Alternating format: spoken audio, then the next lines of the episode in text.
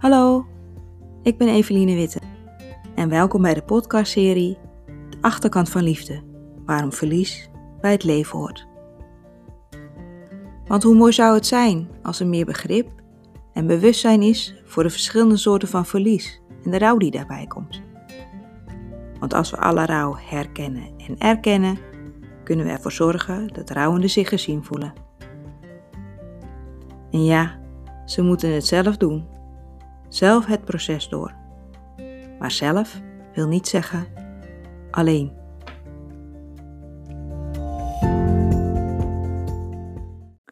Welkom bij de allereerste aflevering van De Achterkant van Liefde, waarom verlies bij het leven hoort. Fijn dat je luistert, leuk dat je luistert. En ik zal me even voorstellen voor de mensen die mij nog niet kennen, of nog, nog niet zo goed kennen. Ik ben dus Eveline Witte. En als je je voorstelt, zijn mensen vaak heel benieuwd naar wat je doet. Ehm, ik heb een parttime job, een leuke parttime job. Uh, en naast die parttime job doe ik een studie verlies, rouw en stervensbegeleiding. Ik ben recent afgestudeerd uitvaartbegeleider en ik geef uh, lezingen. Ik ben spreker verlies en rouw. En wie ben ik?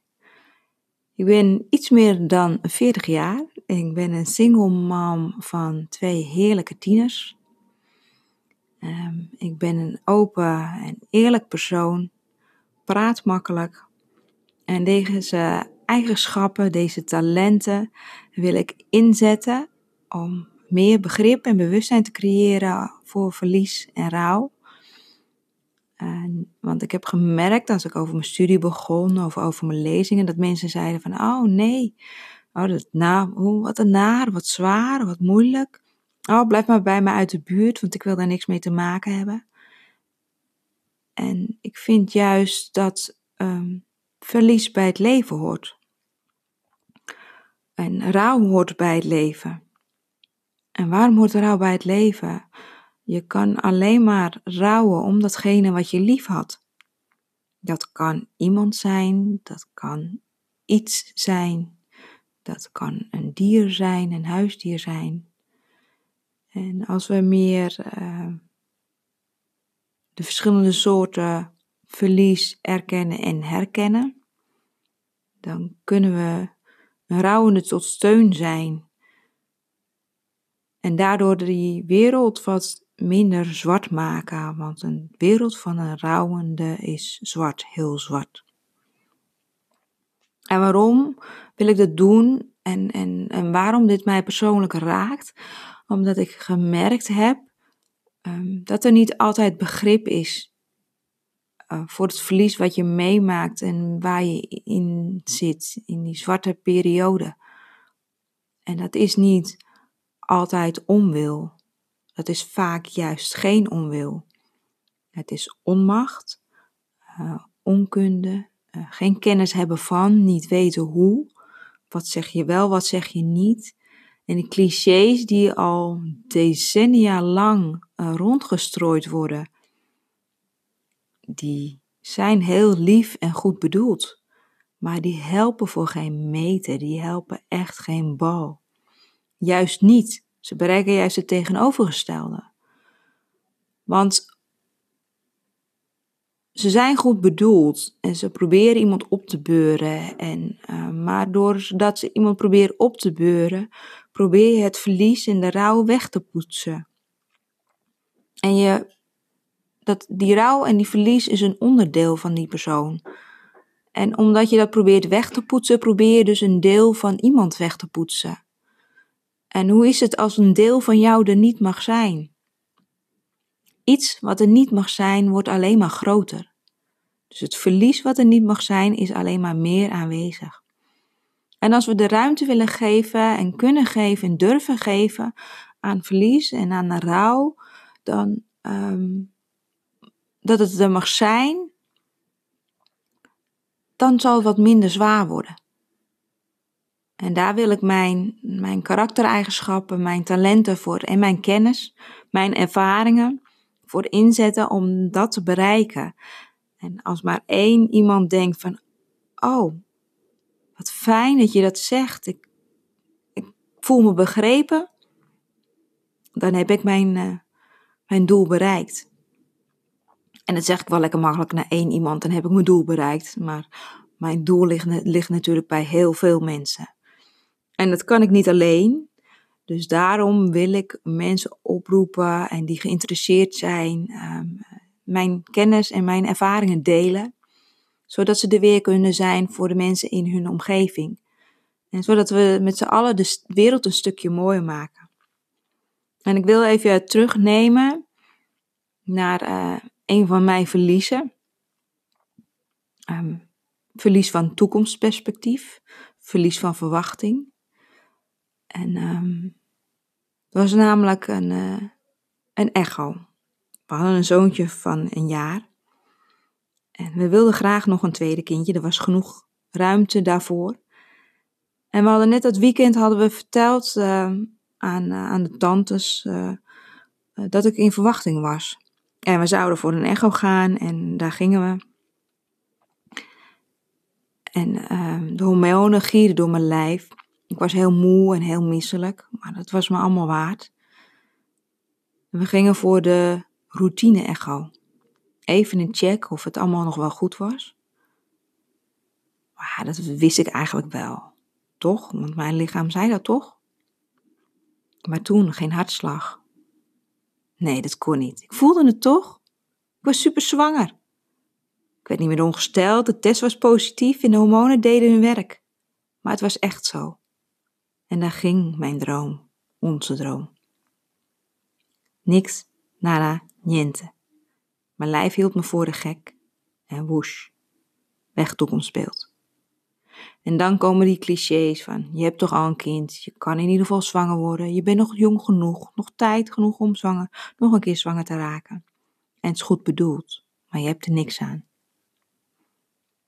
En ik wil je meenemen naar um, de tijd dat ik. Uh, ik kon het even niet vinden thuis en ik, mijn draai kon ik niet vinden. En uh, ik denk, nou, ik ga even naar een winkel toe. En daar kwam ik iemand tegen en die vroeg: hoe gaat het? En meestal als iemand aan je vraagt van hoe gaat het, dan dat is een standaardvraag en dan verwachten ze eigenlijk niks terug.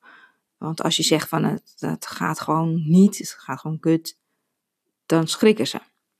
Maar ik zei dus tegen haar van het gaat niet, het lukt niet, ik wil niet en ik weet het even niet hoe. Mijn wereld is heel anders. En die vrouw, een, een moeder van een vriend, die uh, jaren daarvoor haar man was verloren aan, uh, door overlijden, die zei tegen mij: Ja, maar je bent in rouw. Ik heb mijn man verloren aan het, de dood. Maar jij bent je man verloren aan het leven. En toen, zo, toen ze dat zo zei, toen dacht ik, oh ja. Ja, ik mag dus in rouw zijn. Ik mag het moeilijk hebben en zwaar hebben. En verrekte rot vinden dat het mij dit overkomen is. Het mag er zijn. En dat gaf mij ruimte. En verlies van gezondheid. Um, ik heb zelf een whiplash meegekregen en andere momenten van verlies. En ik heb bijvoorbeeld mijn vader ook zien struggelen met het feit dat zijn lichaam niet meer deed en kon wat hij graag gehoopt had. Hij had gehoopt van, nou, als ik die en die leeftijd bereik, dan stop ik met werken, dan gaan we dat en dat en dat doen. En dan laat je lichaam je in de steek. En op zich kan je er nog wel aardig mee dealen, maar soms komt er ineens zo'n moment dat je denkt van, ja, maar waarom kan ik dit niet meer? Oh jee, maar wat baal ik hiervan? Wat ontzettend rot. Ik vind het toch echt drie keer niet leuk. En toen zei ik tegen mijn vader, ik zei, ja, ik zeg, dat is ook rauw, pap. Je gezondheid is niet meer wat het was en het komt ook niet meer terug. En dat mag er ook zijn. En zo drie voorbeelden van verschillende soorten van verlies waar rouw bij voorkomt.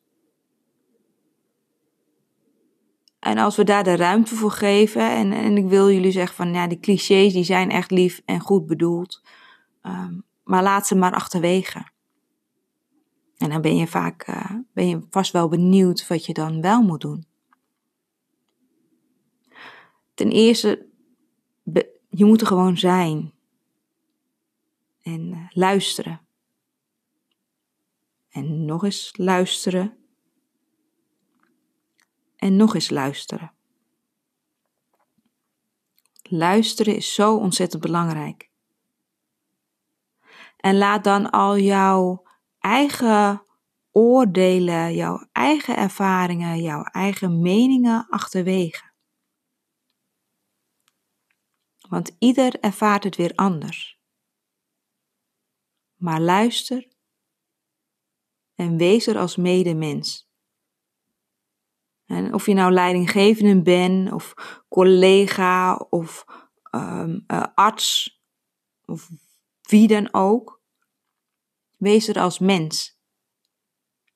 En geef als mens je medemens de ruimte om zijn verhaal te doen en nog een keer en nog een keer. Laat je oordelen achterwege. Wees alleen aanwezig. En vul alsjeblieft niet in. Je zal het wel moeilijk hebben, je zal het wel zwaar hebben. Maar misschien is diegene, heeft diegene net op dat moment een topdag. En wil, het, wil die persoon het even niet hebben over zijn of haar ziekte en zijn of haar verlies. Maar genieten van wat er wel is, omdat diegene net in een herstelfase zit. En de tip die ik al heb vanuit mijn opleiding tot uitvaartbegeleider en die ik continu met mij meedraag, Nivea. Niet invullen voor een ander. Ik wens jullie een fijne dag, avond, week. En ik hoop je, dat je weer zult luisteren naar mijn volgende aflevering van De Achterkant van Liefde, waarom verlies bij het leven hoort. Mocht je uh, een reactie willen geven, uh, stuur een berichtje. Ik ben te vinden op Instagram, Facebook. En uh, ik hoor graag van je.